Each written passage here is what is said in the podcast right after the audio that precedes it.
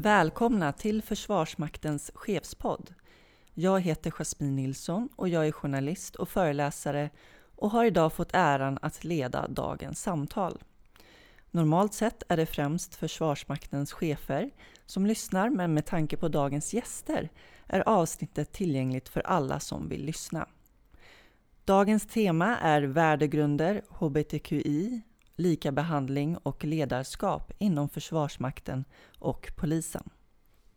Varmt välkomna överbefälhavare Mikael Bydén och rikspolischef Anders Thornberg.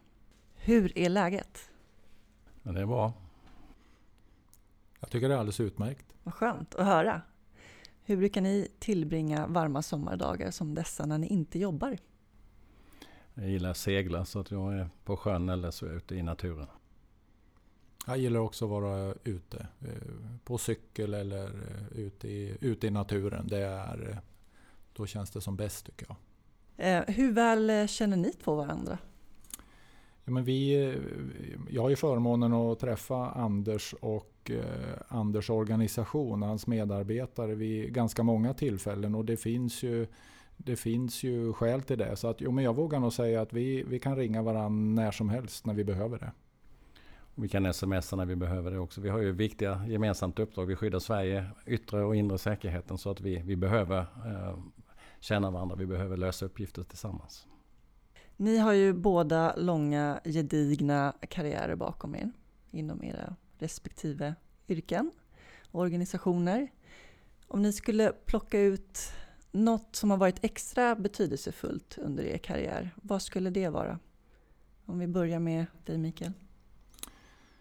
Det finns ju, finns ju en, ett antal saker här och beroende på att sätta det ena över det andra är svårt. Men för mig började det med en värnplikt. Det är väl kanske det som, som hade störst eh, eh, påverkan på mig. När jag, och det är ju redan ifrån början. Sen finns det ju ett, ett antal jobb jag har fått göra. Det är ett antal händelser. och att få, vara, att få, få bli chef för första gången är stort. Att, eh, att få flyga själv för första gången var fantastiskt stort. Att få åka till Afghanistan och jobba i en annan miljö är sånt som jag tar med mig. Så att, eh, ja, det finns en rad saker som har varit betydelsefulla som också präglar mig till viss del.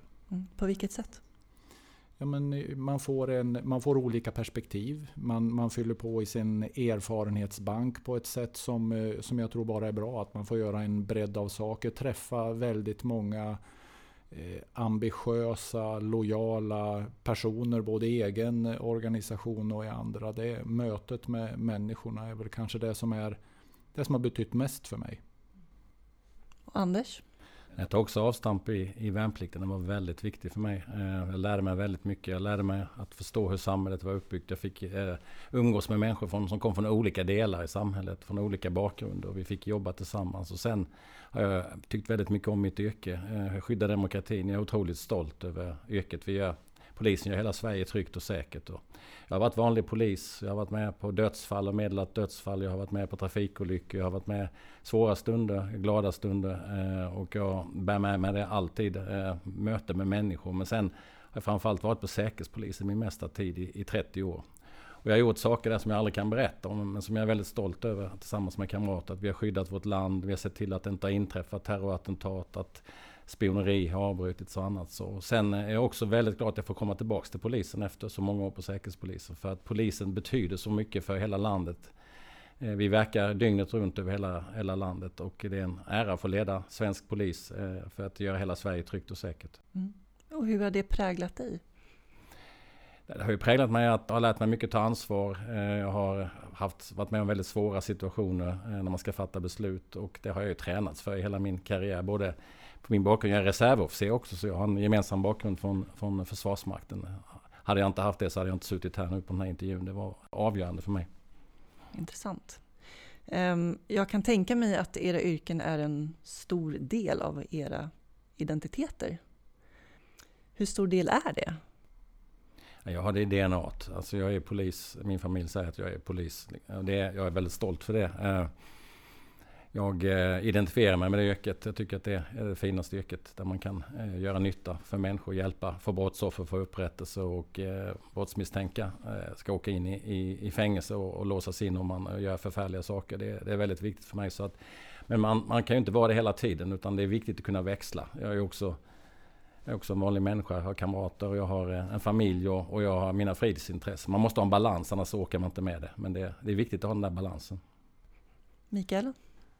Det är klart att eh, yrket har eh, präglat mig ja, nu sen i början på 80-talet. Så det, det, det tar en stor del och det är inte så att jag tar på mig uniformen klockan sju på morgonen och spelar en roll och lever efter en värdegrund och sen kommer jag hem och, och tar av mig uniformen och är någon annan. Jag är alltid officer. För det är också så, det är det jag förväntar mig av min personal. De anställda oavsett om man är militärt eller civilt anställd, det är man även på, på sin fritid.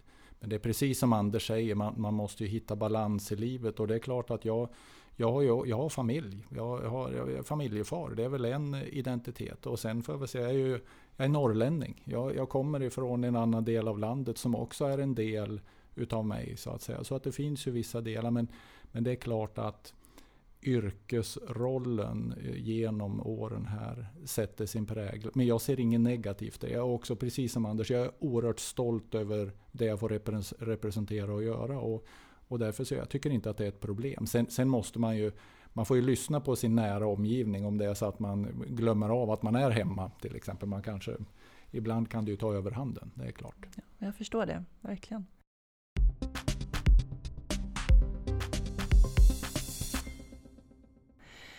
Um, ni är tydliga med era värdegrunder om demokratiska principer, alla människors lika värde, eh, jämlikhet, rättvisa, ja, mänskliga rättigheter. Eh, Försvarsmakten, ni eh, belyser värdeorden ehm, eh, öppenhet. öppenhet, tack, resultat och ansvar. Och polisen, ni belyser engagemang, effektivitet och tillgänglighet. Mm. Hur kopplar ni eh, dessa värdeord eh, till just lika behandling och eh, alla människors lika värde. Ja, egentligen kan man ta sin utgångspunkt, om jag tar dem i orden. Vi är en, vi är en organisation som, eh, som behöver berätta vad vi gör. Det ska vara öppet och framförallt jobba för en organisation där alla ska våga och kunna säga sitt. Berätta historien om sig själv eller våga säga det som kanske sticker ut. Det är den ena delen för att alla ska komma till sin rätt. Eh, vad gäller eh, resultat så, så ska vi, vi ska vara Eh, vi ska, vi ska vara, eh, ta beslut, vi ska driva frågor, men vi gör det i kontexten tillsammans. Det vill säga, det, även om vi startar med individen så är det tillsammansperspektivet som vi löser uppgiften. Det är också en del i det här likabehandling. Alla bidrar med sitt. Och, eh, och till syvende och sist så handlar det om, om ansvaret. Och det, det är likadant där, att jag, jag tar ansvar för mig själv, för mina egna handlingar, för min egen fysiska och psykiska status. Men det stannar inte med det utan jag tar också ansvar för att gruppen ska bli bättre eller min, min arbetsplats. Och då är det det inkluderande igen. Så där tycker jag vi får med eh, likabehandlingsbegreppet på ett väldigt bra sätt. Polisen? När jag blev polis då var det inte eh, engagemang, effektivitet och tillgänglighet utan då var det skydda, hjälpa och ställa till rätta. Så det, det växlar ju lite. Eh, vi, vi, har en vision nu som också heter Din polis gör hela Sverige tryggt och säkert. Eh, så att vi kanske är på gång att ändra lite våra eh, värdeord för det måste man göra hela tiden. Att det är ett, att det är ett rörligt mål så att säga. Mm. Eh, hur förankrar ni dem till era verksamheter och eh, medarbetare? Vi eh, har ju chefsmöten. Eh, eh, eh, dels jag har haft ett par det här, det här året. Vi samlar de eh, 700 högsta cheferna i polisen. Nu har vi fått göra det digitalt. Sen har vi våra direkta chefer. Eh, vi har ett väldigt noggrant uttänkt nytt system i polisen nu med, efter omorganiseringen 2015. En chef ska aldrig ha mer än, än 8 till eh, 12, max 15 medarbetare. Man ska kunna se sina eh, medarbetare. Så att på alla direkta chefer, utbildningar på alla direkta chefer så är jag där personligen och pratar i två timmar om de här frågorna. Sen har vi massor med eh, policies, med rutiner, med arbetsordningar och allt också. Och de måste man ha på plats så man kan läsa sig till. Men de spelar ju ingen roll om inte man lever efter det, om man inte jobbar efter det. Så att, det är viktigt för oss att, att förankra det på det sättet. Vi har också låtit vår internrevision eh, göra en genomlysning av eh, kulturen och likabehandlingen i polisen. Och då fick vi en hel del att tänka på efter det. Vi gjorde det 2018. Så jobbar vi systematiskt med att eh, rätta till olika saker och förbättra oss. Mm, jag förstår. Mikael? Det jag kan lägga till är att vi, vi, vi, vi börjar från början. När vi får de eh, nyinryckta värnpliktiga så är det en självklarhet att det är utbildning i värdegrund, i uppförandekod så att man vet vad, vilka krav vi ställer och hur vi ska förhålla oss till varandra. Sen räcker det inte med att man har en utbildning en gång utan det här det handlar om mjuka värden, det handlar om förhållningssätt. Så att det är att kontinuerligt komma tillbaka till det här. Eh, vi har motsvarande i ledningsgrupper, chefsnivåer, att vi som, som höga chefer i Försvarsmakten pratar om de här frågorna, återkommer till dem, tjatar om dem. För att det är väl det jag har lärt mig. Det gäller att vara uthållig och att återkomma till det. För tappar man greppet här så, så går det ganska raskt på vissa håll där det, det börjar deviera. Man, man börjar sätta saker i, i kulturen som är felaktiga. Så att ett, ett kontinuerligt eh, ordnat arbete, precis som vi hörde här tidigare. Det är viktigt. Kan du ge ett exempel på hur det yttrar sig när det börjar spåra ur lite? Ja, ja absolut. Hösten 2016, medarbetarundersökningen i Försvarsmakten, då, då kryssade 790 personer i rutan har du varit utsatt för kränkande särbehandling senaste 12 månaderna. Och jag kan säga att jag förstod ingenting. Och jag fick inga bra svar. Men ju fler frågor jag ställde, desto fler frågor eh, restes under, under den här tiden. Så i februari 2017 då fick jag ett e-mail av en ung kvinna i Försvarsmakten, militärt anställd, som målade upp en bild som var, den var rätt mörk. Och där och då så, så förstod jag att vi behövde göra någonting. Vi, vi började formera oss, det strukturerade arbetet, samlade representanter från från eh, alla organisationsenheter, regementen, flottiljer. Och efter det så har vi ett, ett mycket strukturerat arbete kring de frågorna. Vi kallar det för ovälkommet beteende. Vi har utvecklat frågorna och börjat lära oss att förstå. Och eh, polisen? Vi är ju en eh, rättsvårdande myndighet så vi har väldigt strängt regelverk. Om det bara finns minsta, minsta misstanke om att man gör något kränkande eller något som kan vara brottsligt så anmäler vi det till eh, åklagare som får pröva det rättsligt. Och sen så har vi en personalansvarsnämnd. Jag, jag såg nyligen en statistik över personalansvarsnämnd i staten att eh, polisen är den mest aktiva. Eh, vi har väldigt många ärenden. Eh, det händer att vi avskiljer medarbetare på grund av att man inte följer eh, reglerna. Men det kan också vara för att man inte för att man har betett sig på ett sätt som, som inte vi vill ha i polisen. Det är klart att det finns eh, arbetsmarknadens regler på det också. Men vi har ju haft eh, vi har, den här internrevisionsrapporten vi gjorde identifierade att det fanns ett vi och dom-tänkande i polisen. Alltså poliser på ett sätt och, och civilanställda. Det fanns en del motsättningar emellan. Man kanske såg ner på varandra. Jag vill att vi ska se alla som eh, 34 000 polisanställda som jobbar för en och samma sak där alla är lika viktiga överallt. Eh, kvinnor och män eh, har också traditionellt varit en hel del motsättningar. Sen har det också Eh, yngre och äldre, eh, nya kulturer har vi jobbat med hela tiden för att, för att få bättre eh, eh förståelse för varandra. Men vi hade metoo, nödvärn, hashtag 1. det pratas om nödvärn, hashtag 2 också. Där vi systematiskt går igenom och hanterar alla de frågorna som, som har kommit upp. Och det kommer hela tiden. Jag vill poängtera att, och så är det på de flesta arbetsplatser, tror jag att de allra, allra flesta sköter sig. Men det räcker med ett enda fall. Så vi är extremt noga med att de som kränker, de ska det är inte acceptabelt i vår organisation och de som blir kränkta, de eh, ska vi lyssna på, de ska vi gå till botten med och det är inget konstigt. Vi kommer ta tag i de frågorna. Eh, vi får jobba med det här hela tiden och påminna oss själva, precis som, som överbefälhavaren sa. Mm.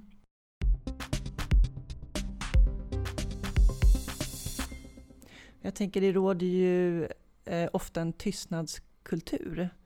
Eh, framförallt tänker jag hos båda era organisationer. Hur kommer man åt det? Alltså som myndighetschef eller medarbetare? Det finns nog inget svar för att komma åt det helt och hållet. Men du måste leva som du lär. Det börjar med mig. Jag måste, jag måste visa att jag vågar ta samtalet. Att jag vågar vara utlämnande där jag är. Men det vi, som ett exempel då på vad vi har gjort här sedan 2017. Vi, vi insåg att det här var ett av problemen. Det vill säga vi, har, vi hade inte sån miljö där man med självklarhet berättade vad som har hänt om sig själv eller någon annan. Så vi har vi har då öppnat upp en telefonlinje. Du kan ringa dit och berätta vem du är om du vill göra det. Och eh, det kan vara någonting som har hänt dig själv eller någon annan. Men du kan också göra det anonymt. Jag trodde inte vi skulle behöva göra det. Men vi har gjort det för vi förstår att det är nödvändigt.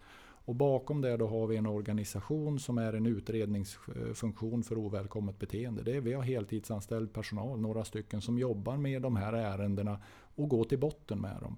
Stödjer den som ska ha stöd, den, den som är utsatt. Och, och verkligen hitta de som då har ställt till det här och ställa dem till svar. Så vi har också personalansvarsnämnd, vi har de verktyg som finns. Det. Så det är väl ett exempel hur man kan ge sig på det. Men jag tror väldigt mycket på det här eh, vara det goda, den goda förebilden. Och, och jobba och återkomma igen till de här frågorna. Visa att det är okej. Okay. Det är okej okay att blotta sin svaghet eller att någonting har hänt.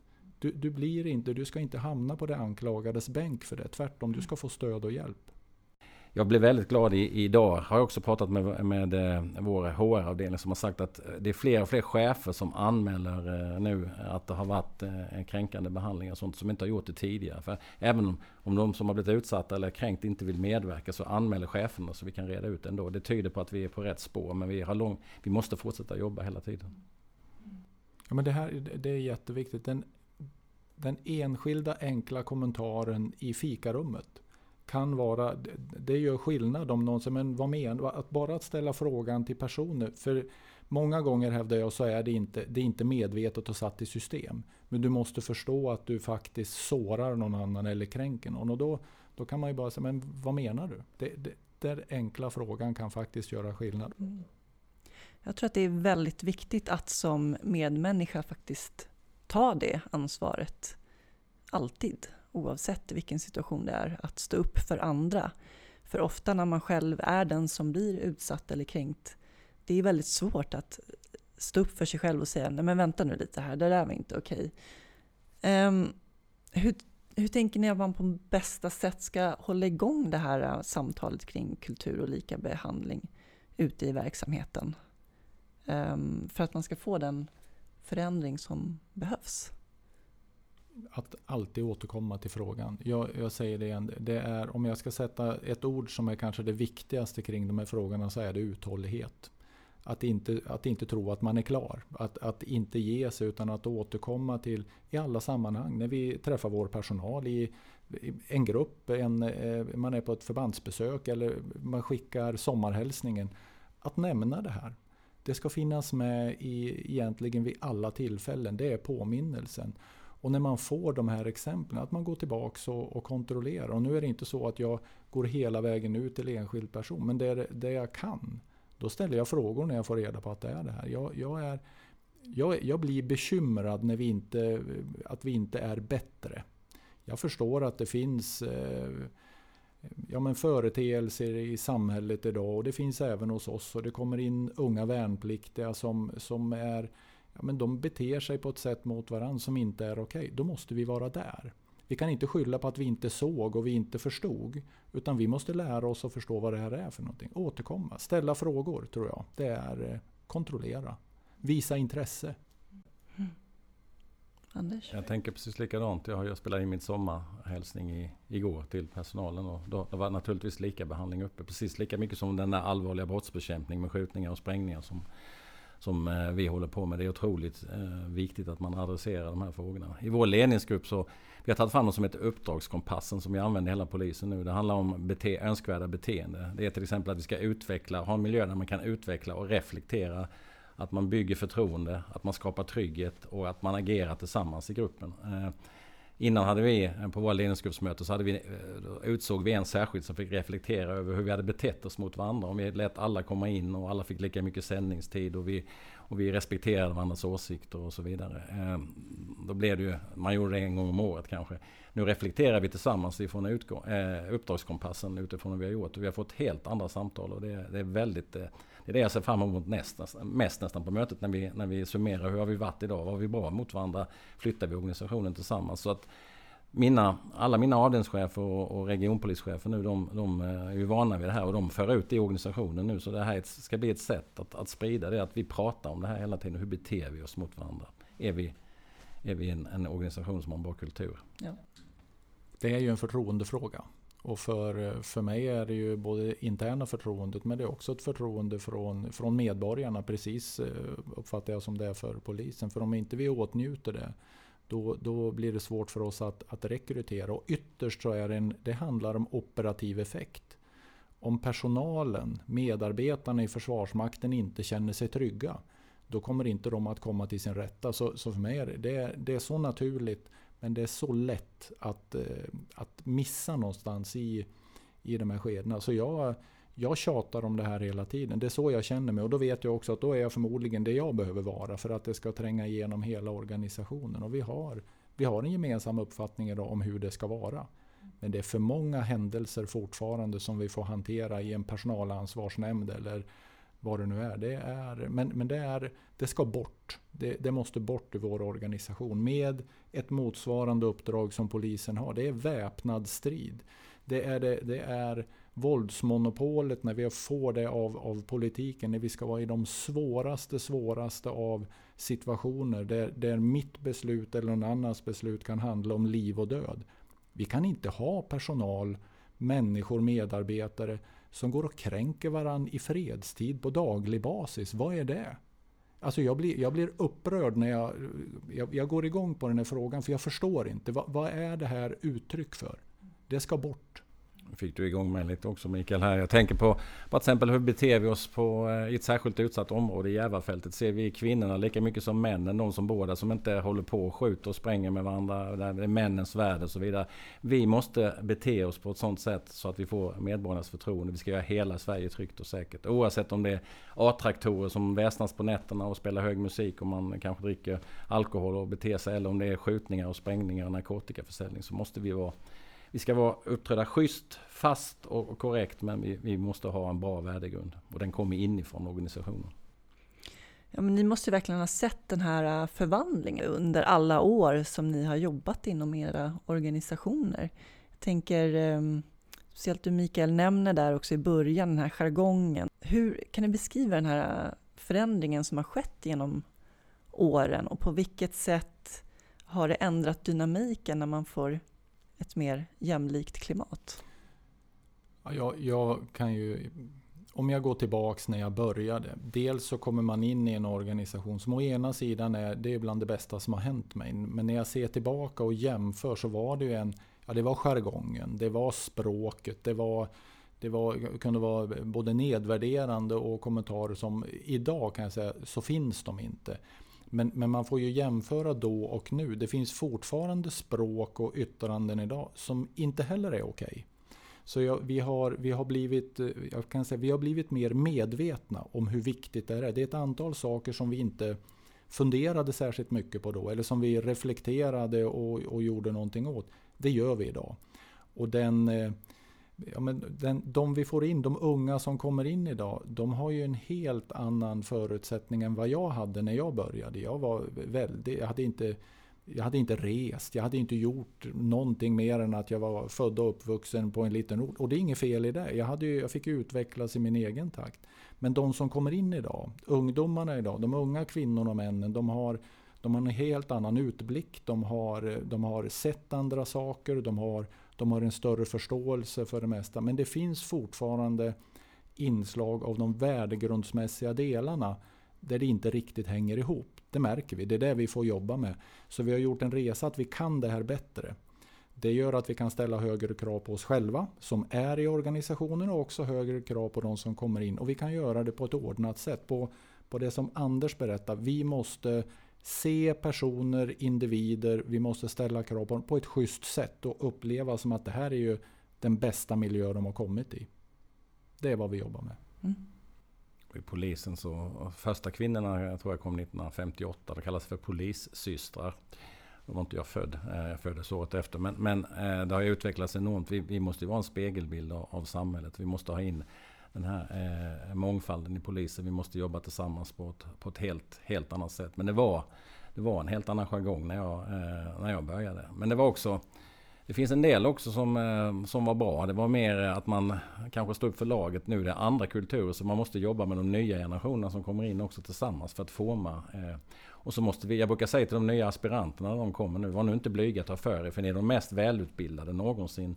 Och eh, ni kommer göra en enorm skillnad. Men lyssna gärna lite på de erfarna kollegorna också och, få, och var lite ödmjuk. Men ta för dig samtidigt. Försök hitta den balansen så att, så att då blir det en bra mix av gammalt och nytt. Vi måste kunna möta alla olika eh, kategorier av medborgare i samhället. Men eh, själva värdegrunden och sånt i polisen och sättet man pratade och sånt. Det är inget som man är stolt över på den tiden. Det var ingen det var inga brott som begicks men man, hade ett, ett, man pratade om brottsmisstänkta, man pratade om en, en, en del eh, på, på ett kränkande sätt som vi absolut inte gör nu. Vi ser alla, försöker se alla som människor som är i en svår situation just då. Och ibland måste vi använda våld för att hantera dem och då, måste, då får vi göra det. Men sen ska det vara schysst eh, efteråt. Schyssta tag och det ska vara en rättvis bedömning och sådär. Mm. Jag tänker, vi har varit inne på lite eh, om det här med öppenhet, just att vara öppen och ha en öppen dialog kring eh, de här ämnena. Eh, men jag tänker på Anders, när du jobbade på Säkerhetspolisen så var du ju kommunikationsansvarig mm. och i princip reformerade mm. hela den eh, avdelningen inom Säpo. Den fanns inte. Nej. Vi sa bara inga kommentarer hela tiden. Och eh, då nämner du där också i ditt sommarprat att ni hade en tävling om vilket bidrag som skulle inleda ert Twitterkonto. Och det vinnarbidraget blev För säkerhets skull finns vi nu på Twitter.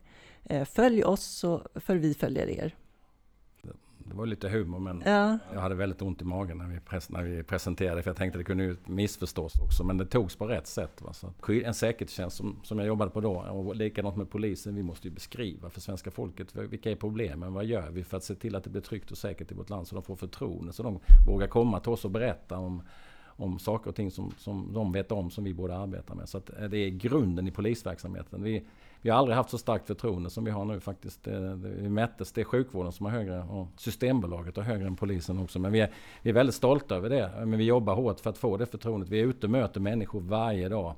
Eh, dygnet runt i hela vårt land och vi eh, försöker göra ett bra jobb. Och, då, eh, och vi försöker också förmedla det i sociala medier. Annars vi måste berätta om vår verksamhet. Det får inte vara några hemligheter i onödan. Mm.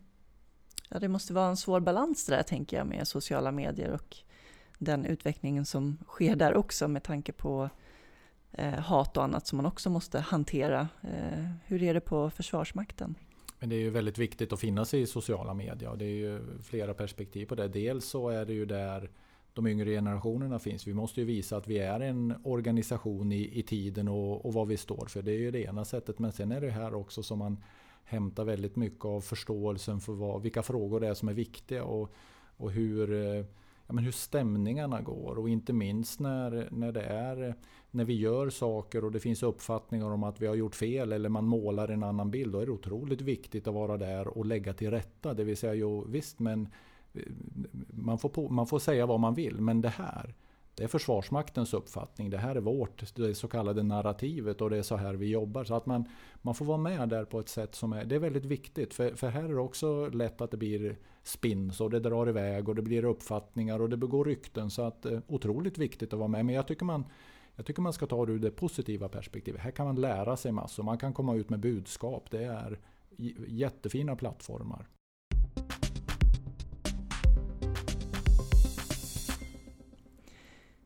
Då tänkte jag när vi ändå är inne på öppenhet så känns det som en naturlig övergång och eh, prata lite om Pride. Vad betyder Pride för er? Ja, det, det, visar ju alla, alla, alla människors eh, lika värde. Det är otroligt viktigt i en demokrati och det är det vi jobbar för hela tiden i polisen. Alla människors rätt att tycka vad man vill, säga vad man vill och göra vad man vill. Så att inom eh, polisen så, så diskuterar vi de här frågorna hela tiden. Eh, vi har ju många eh, goda företrädare för de här frågorna, precis som för andra frågor också. För det finns ju många eh, grupper som genom åren har varit utsatta för trakasserier och förföljelse på olika sätt. Det finns väldigt många man skulle kunna nämna i det här sammanhanget. Men, men det är viktigt för oss att visa att vi är en organisation som är en öppen organisation. Mm. Och 2002, fick man ha sin uniform på sig för första gången på Pride. Hur, vad tänkte du om det då? Jag tror inte att jag tänkte så mycket överhuvudtaget på det då. Eh, jag var inte i uniformsdelen då men, men eh, jag tror att eh, det har hänt mycket sedan dess. Jag tror att det var ett väldigt viktigt beslut. Jag kommer ihåg ett av de allra första Pride-tågen. Jag var väldigt ung polis och jag jobbade på Södermalmspolisen och vi skulle åka in. Jag kom jag hade varit polis två, tre år och så fick vi åka in och gå före. Det var ett väldigt litet tåg. Jag kommer ihåg vi gick på Kungsgatan och det stod personer på gatan över och skrek eh, mot de här. Och vi poliser, vi var väldigt få poliser, var väldigt få i det här tåget också. Men vi gjorde allt vad vi kunde för att de skulle få framföra sina åsikter. Precis som vi gör alla andra gånger när någon annan vill demonstrera och, och framföra sina åsikter också. Det var väldigt, eh, jag förstod nog inte hur stort det var då, för det var ett av de första. Men det var ett väldigt viktigt ögonblick för mig. Mm. Hur ser det ut eh, på Försvarsmakten? Pride är ju ett eh, unikt tillfälle att faktiskt kliva ut som organisation och, och visa eh, ja, i, i, eh, i, live att du är på plats, vad vi står för. Att vi har tagit ställning för de viktiga frågor precis som, eh, som rikspolischefen berättar om. För, för det är det det handlar om. Och vårt uppdrag är så intimt kopplat till det här. Så det har varit en självklarhet och, och vi blir fler och fler varje år. Och det det är ju tillfället att både få fokus på de här frågorna och igen då visa vad vi står för. Och sen är det ju en otrolig glädje kring eh, de här dagarna och inte minst då Pride-tåget. Det ska man inte glömma. Det, det, det är en väldigt rolig och energigivande dag på jobbet. Jag förstår. Du var ju med första gången 2013 i paraden, stämmer det? Eller var det Försvarsmakten som var med första gången då? Ja, det, jag var med första gången eh, lite senare. Det är nog 16 jag är med första okay. gången. Sen eh, var det en gång där som var lite omtalad för att du fick lite feeling och började sjunga eh, Elvis Suspicious Minds. Men eh, vad jag förstod det så fick du väldigt mycket kritik för det. Att man tyckte att till och med att du skulle avgå som ÖB. Vad tänker du om det? Jag är ju sån ibland att jag, jag kanske är då lite spontan. Det var ju inte planerat utan vi hade fältartisterna med som skapar ju en otroligt eh, fin stämning och så var det någon som, som gav mig en mikrofon och så bar det sig inte bättre än att det blev så. Men då ska man veta att varje år under Pride då får Försvarsmakten en hel del kritik av det här slaget. Det var väl, det var väl den här gången det ställdes till sin spets och, och ett avsked hade varit eh, att föredra. Det förvånade mig men, men samtidigt kan jag säga, jag vet ju att det här är, det finns synpunkter på det här och inte minst då mot och kanske till och med i en organisation som vår. Och då gäller det att vara ännu tydligare vad, vad det är vi står för. Så att jag, om man tar ställning då måste man vara beredd på att det finns synpunkter mot det. Och jag har inga problem med det. Och det är ju faktiskt så här för Försvarsmakten att vi är del av, av skyddandet av demokratin. Det här är väl en del av det. Och den som tycker illa om mig eller tycker att jag ska avgå. Jag kommer att skydda den personen också den dagen. Jag gör ingen skillnad där. Det, är liksom, det ligger i demokrati, det är det som är det fina. Sen kan jag tycka att det blir överord. Och varje år så sätter vi ganska stor resurs på att Eh, då bemöta den här typen av uttryck på sociala medier. För vi får rätt många. Men vi möter de kommentarerna med respekt och förklaring var vi står någonstans. Och det, det röner också en del positiv uppmärksamhet. Att möta meningsmotståndare med eh, fakta och, och respekt. Det, det biter också. Mm. Ska du vara med något år här framöver? Ja, det ska jag säkert vara. Jag kunde inte vara med förra året eh, av olika skäl. Men, men eh, vi, vi får se hur det blir framöver. Det, säkert kommer jag vara det. Mm. Mm. Hur är känslan att gå med i Pride-paraden? Ja, men det är bara glädje. Det är otrolig stämning i, i Stockholm på, på de här gatorna med alla som är ute. Det är, jag har sett väldigt lite av det negativa när jag är där ute. Utan det kommer som kommentarer i i sociala medier och, och, kanske vid andra tillfällen som jag får den typen av kommentarer. Men där och då, det är bara glädje. Det är, och, och, och, i det här så, jag tror och jag vet att vi sänder ju signaler här till, till medborgarna. Så det, det här är en organisation som du, som du kan vara en del av. Om du har rätt koppling mellan mellan hjärta och hjärna och, och, och dela vår värdegrund och vill göra skillnad. Ja men då ska du kunna vara hos oss oavsett vad, hur du orienterar dig sexuellt. Om du är man eller kvinna. Om du, alltså det, det, spelar ingen roll. Du ska, vara en, du ska vara en bra person som är lämpad att göra de uppgifter som vi har. Och då blir vi ännu bättre om vi får vi blir en mer jämställd, vi blir en, en organisation som speglar mer av, av mångfalden. Vi jobbar med det för vi vet att det här är viktigt. Att känna sig trygg, att komma till oss och känna att ja, det där är, det är en bra organisation. Här vågar jag faktiskt vara mig själv. Mm. Jag tror inte vi ska kanske slå oss för bröstet men man tänker på, om man tittar på Försvarsmakten och även på polisorganisationer, om man jämför med andra länder runt om i världen så har vi kommit lite längre. Men vi får ju aldrig sluta jobba med det. Vi måste fortsätta jobba med det. Och det är många eh, av mina kollegor som vi kan diskutera, som jag diskuterar, vill ha lite råd och sånt från, från oss när vi är ute i olika sammanhang. Jag tror det är viktigt. Det här är otroligt viktigt. Kan man vara öppen som hbtqi-person eh, inom era respektive organisationer? Absolut, men eh, samtidigt är det upp till var och en och hur man vill vara. Vi, vi, har, vi har försökt skapa en organisation och eh, ja, det är många som är öppna i polisen med det. Men det är också de som väljer att inte vara det. Jag har respekt för vilket... Eh, det enda som är viktigt för mig är att vi skapar en kultur eh, och en miljö som gör att man kan väl göra valet som man inte av rädsla eller tystnadsskäl eller någonting inte träder fram om man vill göra det. Då är det illa. Men, men jag uppfattar att man kan göra det. Mm. Svaret är ja. Men eh, samtidigt som jag säger det så vet jag också att det är ingen självklarhet och det är inte, det är inte enkelt. Vad finns det för utmaningar? Det finns kulturella utmaningar, det finns uppfattningar som, eh, som man självklart måste jobba med och sen är det väl då igen då tillbaka till ja, men den öppenhet och, och, miljö vi har och hur vi umgås som gör att det kanske inte är så lätt. Men, men igen, det här måste man jobba med och man måste jobba med de de personer också som, som försöker hitta fram i det här. Eh, senaste numret av Försvarets Forum som är vår, ja, men det är vår organisationstidning, medlemstidning kan man säga. Den går ut eh, med några nummer per år. Där har vi en artikel nu om en person som heter Ava. Som är chef på Försvarsmaktens tekniska skola och har varit det i många år. Men som då har genomgått eh, könskorrigering med vad det innebär. Så att vi, vi har ju också vi har de som har klarat det och gjort det som också vill berätta om det. Och att, att vara förebild och för andra. Och det är otroligt starkt för, för organisationen att faktiskt kunna, kunna visa det på ett, på ett positivt sätt. Men eh, så, så kultur skulle jag vilja säga. Eh, det är nog kanske den, eh, den starkaste motsättningen. Men då gäller det att hitta de här förebilderna. Ava är en sån. Nu har vi öppenheten igen, hur viktigt det är. Vi har också gjort eh, i vårt svensk polis som går ut till alla anställda, som går ut till eh, väldigt många i samhället också, där vi har beskrivit eh, en person hos oss som har gjort en könskorrigering också. Och vi beskriver olika medarbetare med olika bakgrunder. Det är inte bara HBTQ utan även andra minoriteter. Det finns plats för alla i polisen och vi, vi bidrar och vi blir otroligt starka tillsammans.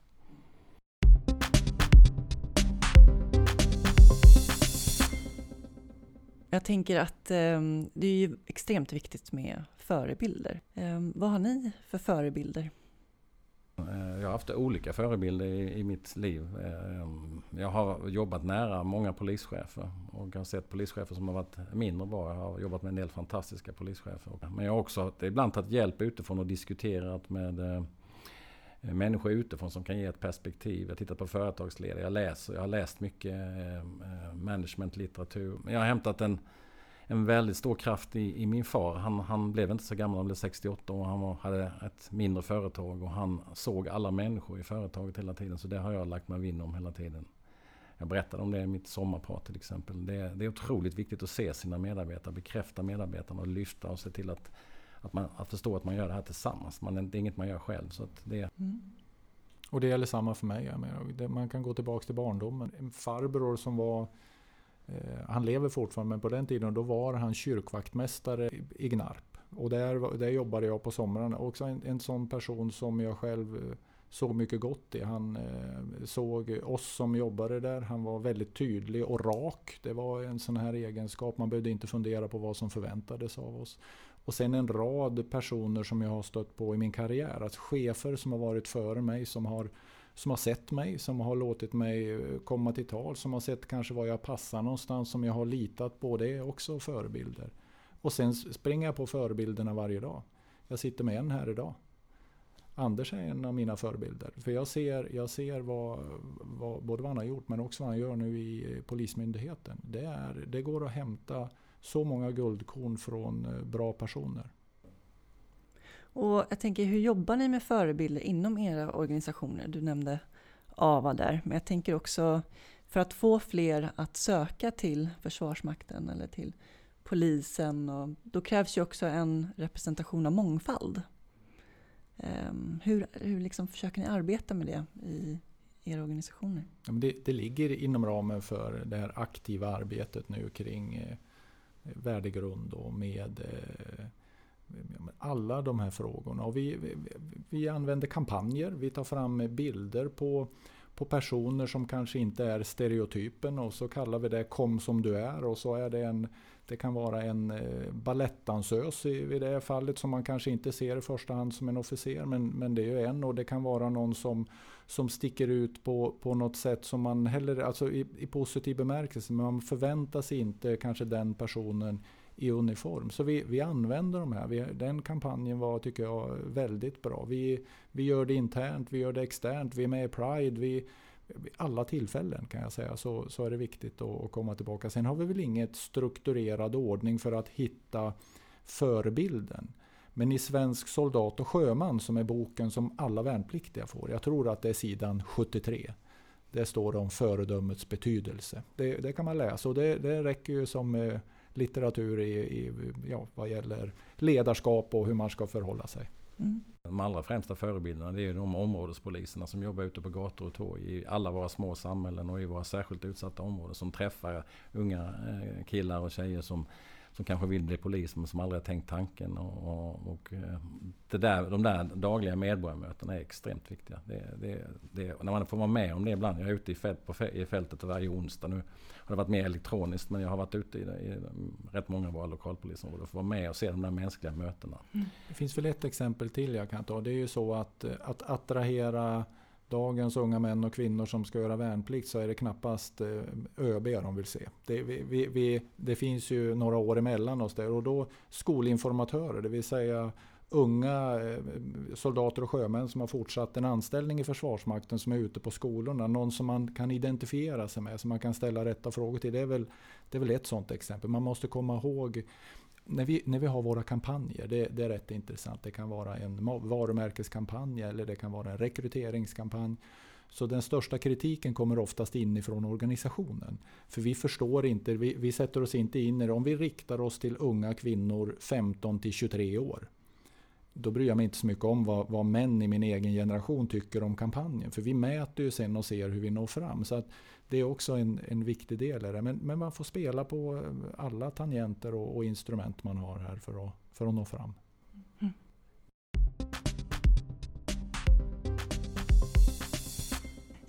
Eh, angående ledarskap så eh, har jag två citat från era sommarprat.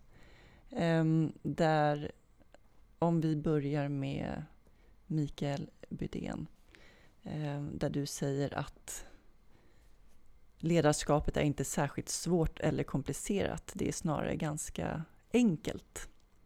På vilket sätt är det enkelt? Jag brukar uttrycka mig på det sättet och då är det ju det ledarskap som jag tillämpar. Eh, ledarskapet kan säkert vara svårt men det jag, det jag vänder mig emot det är när man konstrar till det och gör för mycket teori utav ledarskap. Jag tycker man kan teoretisera mer kring organisationsutveckling och sådana delar. Men för mig är ledarskapet väldigt mycket relation. Det är hur jag förhåller mig till andra. Och så måste man förstå de mest basala behoven vi har som, eh, som människor. Oavsett var man jobbar någonstans. Men vi vill bli sedda, vi vill bli hörda, vi vill bli uppmärksammade, vi vill få klappen på axeln när vi har gjort något bra och vi behöver få tillrättavisningen när vi passerar gränsen. Så jobbar jag och så försöker jag vara tydlig med vad jag förväntar mig. Och då blir det ingen ledarskapsteoretisk bok på, på 200 sidor utan det blir en och en halv sida på eh, A4-papper. Och, och, och, det räcker för mig. Mm. Anders, tycker du att det är enkelt? Vi tog fram en strategi 2024. Och det var jag jättebestämd med att jag ville ha när jag kom. Det var ett rätt stort motstånd i början. Men det, vi har tre enkla mål. Det är framgångsrik brottsbekämpning och brottsuppklaring. Och det är väl självklart att polisen ska göra det. Sen ska vi ha en stark lokal närvaro. Vi ska vara där människor finns och se deras lokala problem. Och så ska vi vara en attraktiv arbetsplats och en attraktiv sam samarbetspartner. Och alla Eh, i vår anställda i vår organisation kan förhålla sig till de här eh, målen utifrån sitt uppdrag. Och, då tror jag att vi, att vi gör skillnad. Men fokuset är på brottsbekämpningen, inte på om vi är för många eller för få eller om vi har rätt organisation eller vi använder rätt ord. Men det jag, upp, det, det jag märker att organisationen uppskattar det är att jag hela tiden fokuserar på uppdraget. Och man måste fira lite segrar ibland som nu nyligen när vi fick de här genombrotten med, med eh, det internationella samarbetet när vi kunde komma åt de värsta kriminella ledarna bakom. Eh, så vi visste vilka de var redan. Det gör gott i organisationen för då fokuserar vi på uppdraget. Mm. Det, det, man, eh, det, det, är lätt att tro när jag säger att ledarskapet är enkelt, att jag inte ställs inför svåra frågor eller eh, jobbiga situationer. Men men det behöver man, man behöver inte koppla det till, till ledarskapet. Säger jag. Det, det är ju mer dilemman och, och svårigheter att hitta fram. Men det finns det ju en hel organisation för som bereder ärenden och som tar fram underlag så att det går att fatta beslutet. Utan det är mer, det är mer förhållningssättet till ledarskap som jag tycker man gärna eh, konstrar till för mycket. Mm. Och ni får ju uppleva väldigt mycket eh, i era yrken. Ehm, får möta många svåra situationer. Ehm, människor som mår dåligt. Och hur, ehm, hur hanterar ni det ni får möta i ert arbete när ni kommer hem? Kan, kan ni släppa det? Det där är ju en väldigt bra fråga. Vissa saker eh, vill jag nog inte släppa det, det, det, är en väldigt svår fråga. För att när man... Nu, nu, nu har jag ju det jobb jag har. Men, men när man är mer ute i den, som det varit för mig, den skarpa verksamheten och saker har hänt. Så är det ju inte så att det kändes jobbigt på jobbet. Och sen åkte jag hem och tyckte att det var frid och fröjd. Det här är ju en, en process som allting annat. Och jag, jag vill känna. Det, det, den dagen jag inte känner med och för det som har hänt som är jobbigt, då ska jag nog, då ska inte jag vara kvar.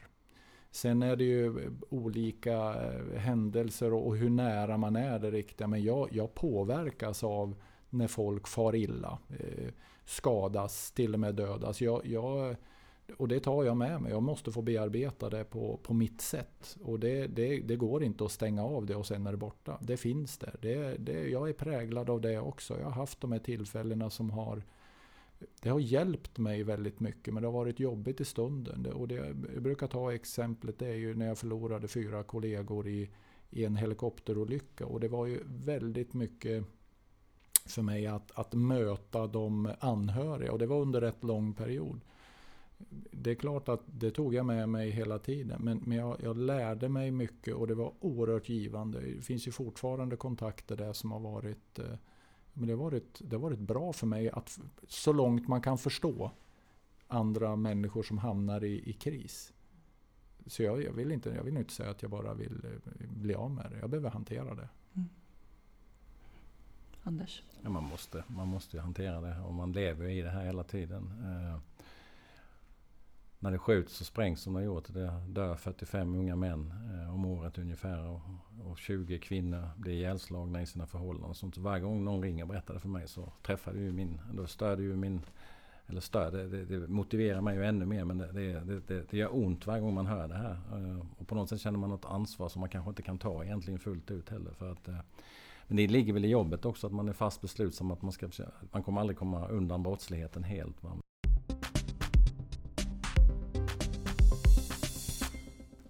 Ehm, jag tänkte på det här med inkludering och inkludera alla människor ehm, utifrån deras förutsättningar och förmågor.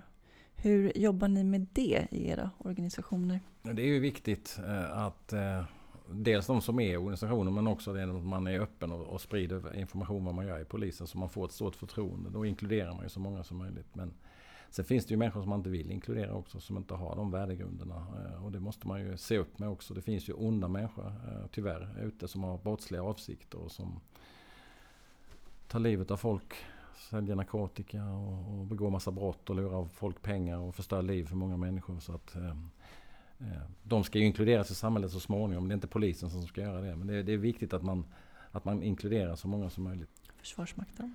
Om vi då tar eh, på den övergripande nivån för, för Försvarsmakten så hade vi en eh, vi hade en rejäl djup diskussion här för några år sedan hur vi, hur vi skulle se på oss själva eh, inom ja, ett begrepp som vi nu använder som är den militära professionen. Vilka ingår där? Ja, det är lätt att förstå att vi som går i uniform är det, men, men alla andra. Vi har många civilanställda. Vi har många frivilliga. Och det är då en, eh, det blev beslutet att gå fram, det är ju det inkluderande. Alla som har ett engagemang i och omkring Försvarsmakten är en del av den militära professionen. Så det är ju en, eh, det är en del av det här. Oerhört viktigt att alla känner att man oavsett var i organisationen, om du är jurist eller om du är statsvetare, om du är soldat eller sjöman eller om du jobbar i ett förråd eller vad du gör, så bär det mot uppdraget och du är en del utav det. Så det är en del av inkluderingen. Vi börjar med de värnpliktiga när de kommer in, att de ska känna det här. Vi jobbar ju alltid i lag, i grupp, vi gör det här tillsammans. Det är också en del av inkluderingen. Och tittar vi då utanför så skulle Försvarsmakten inte klara av sitt uppdrag om det inte var för de goda samarbetena med andra myndigheter, med organisationer, med eh, ja, samhällets olika delar. Så att eh, det är, det är ett viktigt begrepp. Så jobbar vi med eh, ja, generellt sett med de frågorna. Väldigt viktigt. Mm. Vill du tillägga något? Jag kommer tillbaka till mina onsdagsbesök. Då åker jag till lokalpolisområdet som regel. Och då kanske det var, kan vara från 50 till 200 personer som, som sköter en rätt stor geografisk dygnet runt eh, året om och ser, ser det laget. Alltså, traditionellt sett så tror man oftast har mest sett poliserna. Men även ett garagebiträde som ser, ser till att eh, bilen fungerar. En, en receptionist, vi gör fyra miljoner pass om året i, i polisen. Annars hade inte kunnat resa överhuvudtaget. Och, och så vidare. Alla är lika viktiga. Så eh, vi pratar, och det har inte alltid uppskattats, vi pratar ju om polisanställda istället. Poliser i vissa lägen när det är och, och civilanställda. Men vi är ett team och alla i teamet är lika viktiga för att det ska funka. Eh, det, det, det jobbar vi mycket med i ledningsgruppen. Eh, och det är då det blir bra. Mm. Kan man gå för långt med inkludering? Nej. Jag var inne på det lite innan. Om man inkluderar de som, inte, som har onda åsikter, då måste man identifiera dem. Så får man eh, antingen se till att de, att de eh, förtjänar att bli inkluderade eller får man se till att, att skärma av sig lite. För att det, det finns ju många människor som, som eh, genom brottslig gärning vill komma åt och skada andra människor. Så att då, då är det svårt att inkludera dem. Men om vi bara pratar om, om organisationen och samhället så är det, det är väldigt viktigt. Och det vore ju väldigt dumt av mig att säga emot det. Och vi har ju, vi har ju samma utmaning där. Det vill säga det finns ju krafter idag som gärna vill, vill komma och bli en del utav Försvarsmakten eller i, i polisen. Och då gäller det att ha bra system så att man kan identifiera de här personerna. Så det är klart, men, men när, jag, när du frågar mig om inkludering så är det ju snarare ett, ett sätt att, att få med alla mot, mot samma mål. Och där kan man nog inte göra för mycket. Men, men idag, idag finns skäl att vara uppmärksam på den här typen av företeelser. Det är, eh, det nog ganska lätt eh, att gå fel. Och vi får inte vara naiva.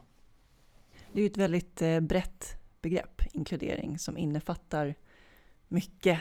Eh, det är väldigt stort. Men om man specificera lite också med just när det gäller fysiska förutsättningar eh, och funktionsnedsättningar tänker jag också.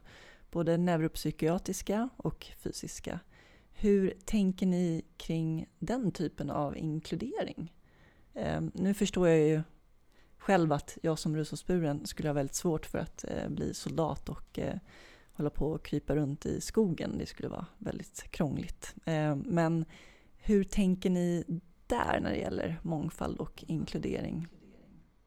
Det är de bäst lämpade personerna som ska verka i Försvarsmakten. Och då är inte det ett hinder.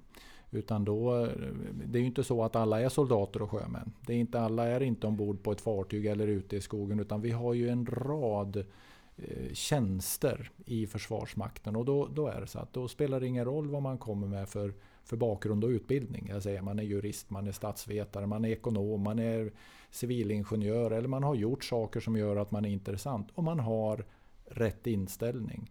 Om det då finns någon form av funktionshinder så är det inget hinder i sig att eh, vara verksam i Försvarsmakten. Utan då, då, vi är skyldiga och vi ska hitta former för det som alla andra. Det finns, eh, det finns alldeles utmärkta verktyg för att komma dit. Så att det är, vi, vi, vi behöver förmodligen bli bättre det finns ju områden nu där det finns ungdomar med diagnoser som, som vi får en, del, en hel del frågor omkring och som vi, som vi försöker hantera med stor respekt för individen men också där vi utgår ifrån, ifrån vårt uppdrag. Och det handlar oftast om att få, få göra värnplikten. Min dröm är att få göra värnplikt.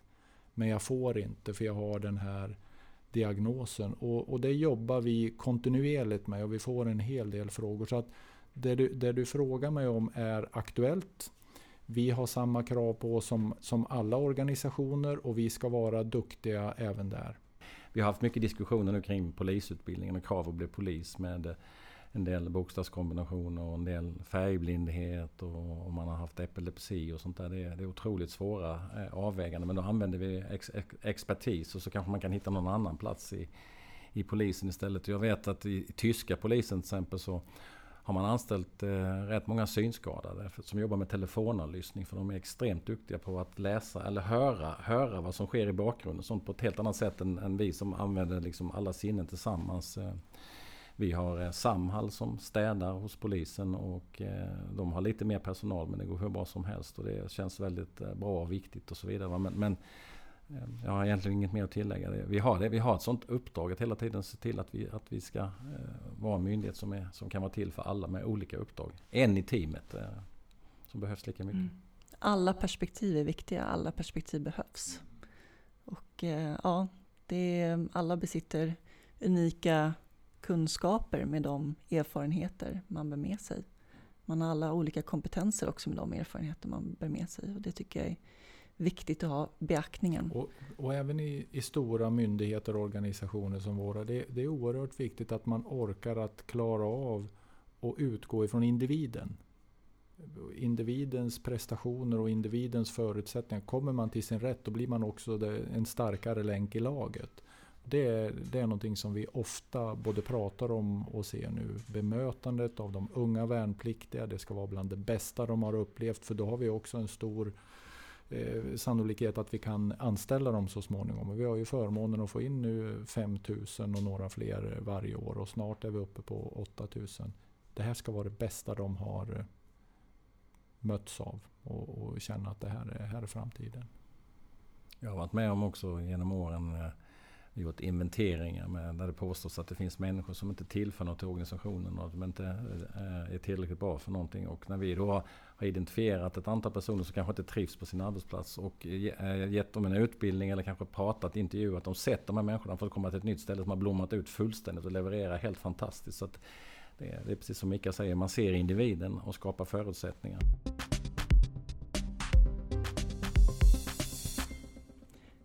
Så tänkte jag avsluta med en eh, stor filosofisk fråga. Vad betyder frihet för er? Frihet betyder eh, stora saker. Frihet är ju att, vi, eh, att jag får möjligheten att eh, eh, vara en del av det uppdrag som, eh, som min organisation genomför. Det är ju en del av friheten, det vill säga Eh, friheten och rätten att leva som vi själva väljer. Det är, det är det vi så att säga står för. Men om jag bryter det ner till, till mig som person eh, och frihet så är det väl den där helgen när jag inte har någonting planerat som har med jobbet att göra och jag får göra precis det jag vill. Det är också frihet. Vad gör du då?